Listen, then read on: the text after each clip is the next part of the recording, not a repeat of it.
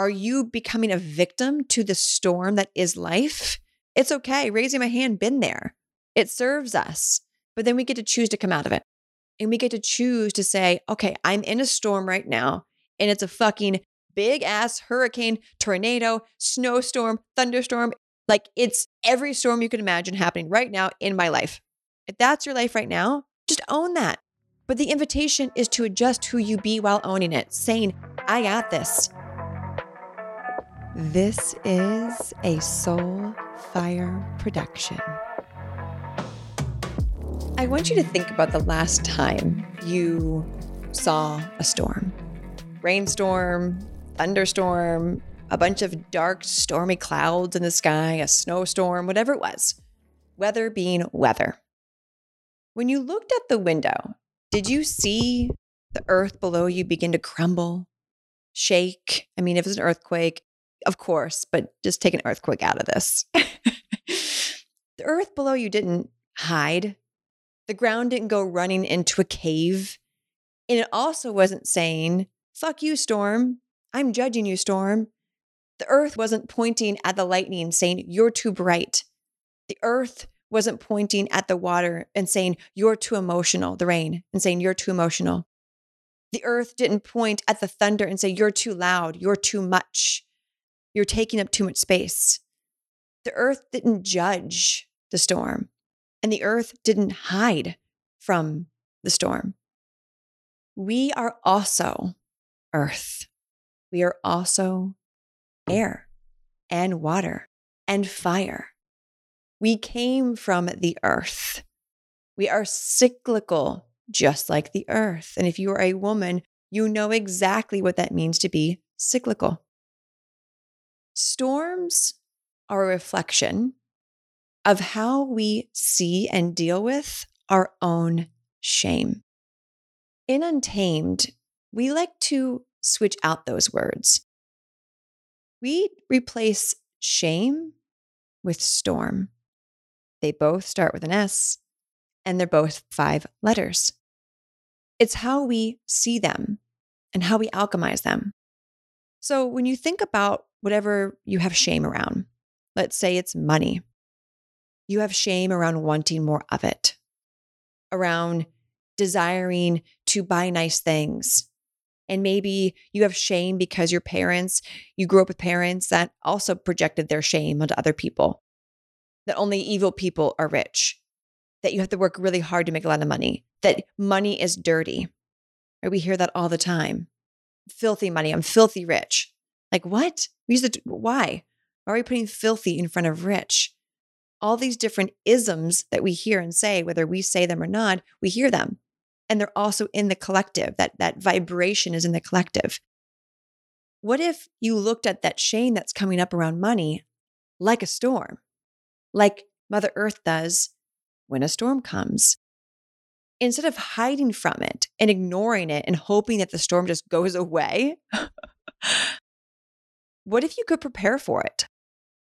What if you could prepare for the shame that you know comes up on a routine basis around a certain topic, especially around money? We prepare for storms.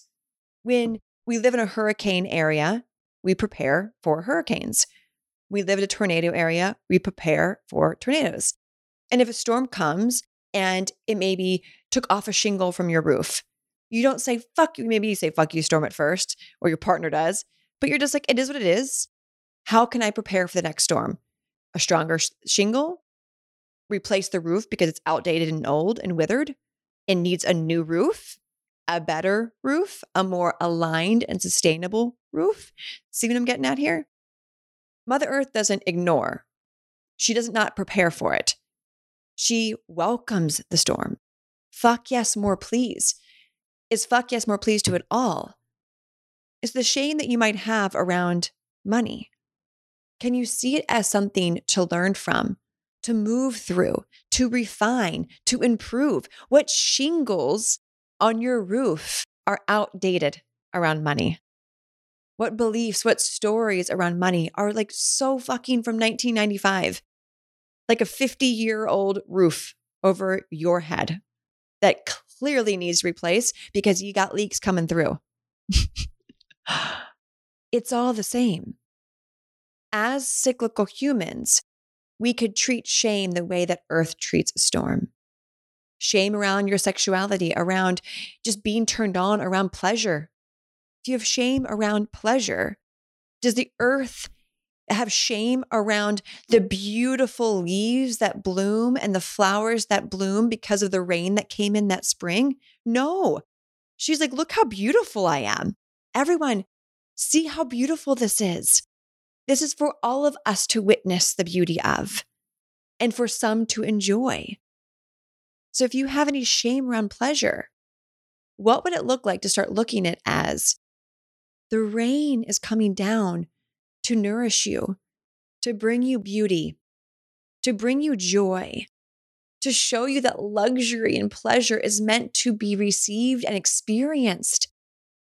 Beautiful flowers don't blossom in the spring just for the fuck of it. They have a purpose. And we get to enjoy that purpose by seeing their beauty. Same thing within yourself. What aspects of your beauty do you have shame around? Or you think it's not beautiful due to society's standards? Beauty, as you know, comes from within. And there's a reason that there's a term a glow up when people go through a glow up, and why people on a really big healing journey begin to look prettier and younger and healthier and more magnetic. It's not because they're getting plastic surgery and taking something to de age themselves. I mean, maybe some Botox here and there. I'm here for that. no, because they're actually becoming lighter. Their light bodies are becoming lighter because they've alchemized their storms, because they are the rainbow on the other side of the storms within them. Because fuck yes, more please. A glow up is a glow up because they've begun to accept the beauty within themselves and therefore it's radiating through their pores. You see this when people get out of a toxic marriage. Like, think about a woman that you know finally broke up with that dude that was a total douchebag, a control freak, lack and scarcity, needy. She left him, and you're like, finally, what happened? She went through a fucking glow up and she's thriving now. Maybe that was you. Or maybe when you left that shitty job in that toxic environment with the abusive boss and you started your own thing or a new job that was more in alignment for you, more in your purpose, you were probably glowing and thriving and hearing from other people, wow, you're really glowing. You seem happier. You look happier. Do you have like a new, you know, face cream routine, Botox? nope. Just facing my storms and alchemizing them. Just looking at my inner storms and saying, fuck yes, more please. I am the rainbow. I am the sun. I am the blue sky. Whatever answer you want to give, they'll just blink. They might not understand, but that's okay. They're clearly a tamed woman. Shame isn't something to be shameful of. It's part of who we be. It's how we feel it. It's how we deal with it. It's how we move through it, is what makes us pretty, air quotes beautiful, air quotes, magnetic, glowing. It's a really powerful thing when we can begin to take our power back in this way. When we can take the steering wheel back from the tame woman and let our inner untamed woman drive again. The untamed woman is the woman who no longer has shackles attached to her on who she should be or what she should do or how she should feel what she shouldn't or should say. The untamed woman isn't running around wild, crazy, out of control. No, she's simply in control of who she be because she knows that who she be while she's doing is the only thing that matters. She knows that who she be while she's doing is the only thing that matters. That's the untamed woman. It's ironic that the word untamed, when society hears it, is wild, is crazy. But actually, isn't it wild and crazy to be tamed? To let shame control us? To play small? To stay in our box? No fucking thank you. Been there, done that. spent the majority of my young adult life in shame, hated myself, insecure, thought I was so ugly, that I was dumb, that I wasn't going to be successful, just everything opposite of who I am today. I went through that. I was that. I believed in my entire being that I wasn't important, that I wasn't going to be anyone. I had low standards, low expectations. That's the tame woman. That's the woman who is letting the storms control her. And once I realized that I was being the storm, but in an unconscious, chaotic way, the wounded feminine, I realized that true power, true embodiment lies within the embodied feminine. The feminine is chaos. Don't get me wrong there. The feminine is beautiful chaos. I mean, we could be one personality in one minute and five minutes later, another personality simply because we're about to get our period the next day. we could be crazy bitch one second, like pure fucking anarchy, and then like adorable and sweet five minutes later. That is the feminine. But when we were doing it by choice, like choosing our choices, being in the chaos and then maybe having to say sorry or own up to it consciously without any shame, that is the untamed woman. Shame gets to be there, it's welcomed, but we get to choose it. It's not going to drive anymore. Can you hear that? Let that sink in. It's okay to have shame but we're not going to let it drive anymore. That's what the tamed woman does. The embodied untamed woman, she drives because she knows that right now is the only important moment that exists. And who she be while she's doing in this moment, the only moment that exists, is her top priority. So, who are you being right now?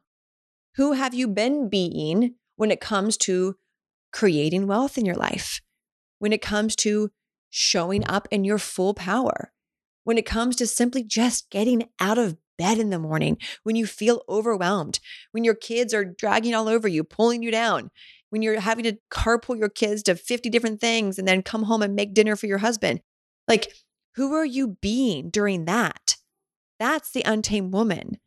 By making sure that you are choosing who you're being when chaos is awry, when your life is a fucking shitstorm, and you have a massive to do list, maybe employees to manage, or you're moving across the world, like your life is a storm. How are you being in that storm? Are you letting any stories of, I can't hold this, I can't handle this, I'm not responsible enough for this, I'm a bad mom, I'm a bad wife, I'm a bad boss, whatever it is? Are you becoming a victim to the storm that is life? It's okay. Raising my hand, been there, been there.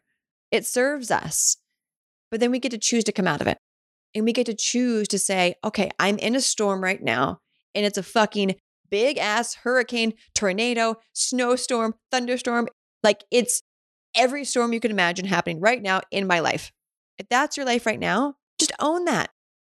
But the invitation is to adjust who you be while owning it, saying, I got this. I have my sisters and my internal seasons to lean on.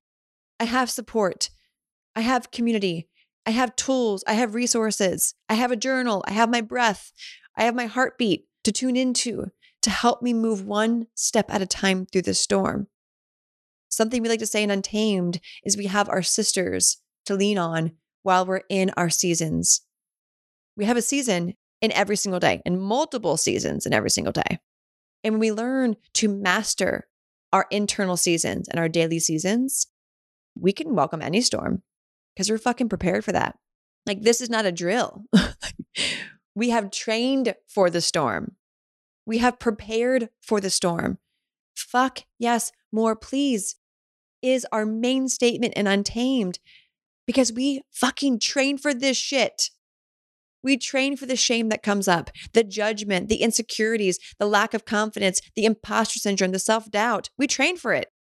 And when it comes up, we know exactly how to move through it, not push it under a rug, not doubt ourselves. We know how to move through it and alchemize it because we trained for it, we prepared for it. So, in your life right now, how can you begin preparing for your storms, i.e., the shame, the judgment, the doubt? A journal practice, dancing more, a playlist, whatever it is, prepare. Have daily anchors in your life. So when something comes up internally or externally, you have anchors to help you. We have anchors in Untamed for every single season for our day spring, summer, fall, winter. We have specific anchors to help us really get the most out of each season because each season matters. What we plant in spring affects our harvest in summer.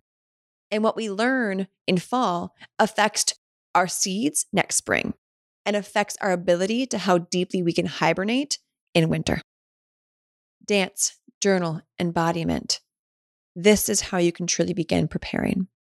And on your journey becoming an untamed woman, there is a specific archetype, just one out of all five archetypes, that calls us up to be activated by and embody first to help us truly prepare for our seasons of becoming an untamed woman and to discover which of the archetypes is calling you up.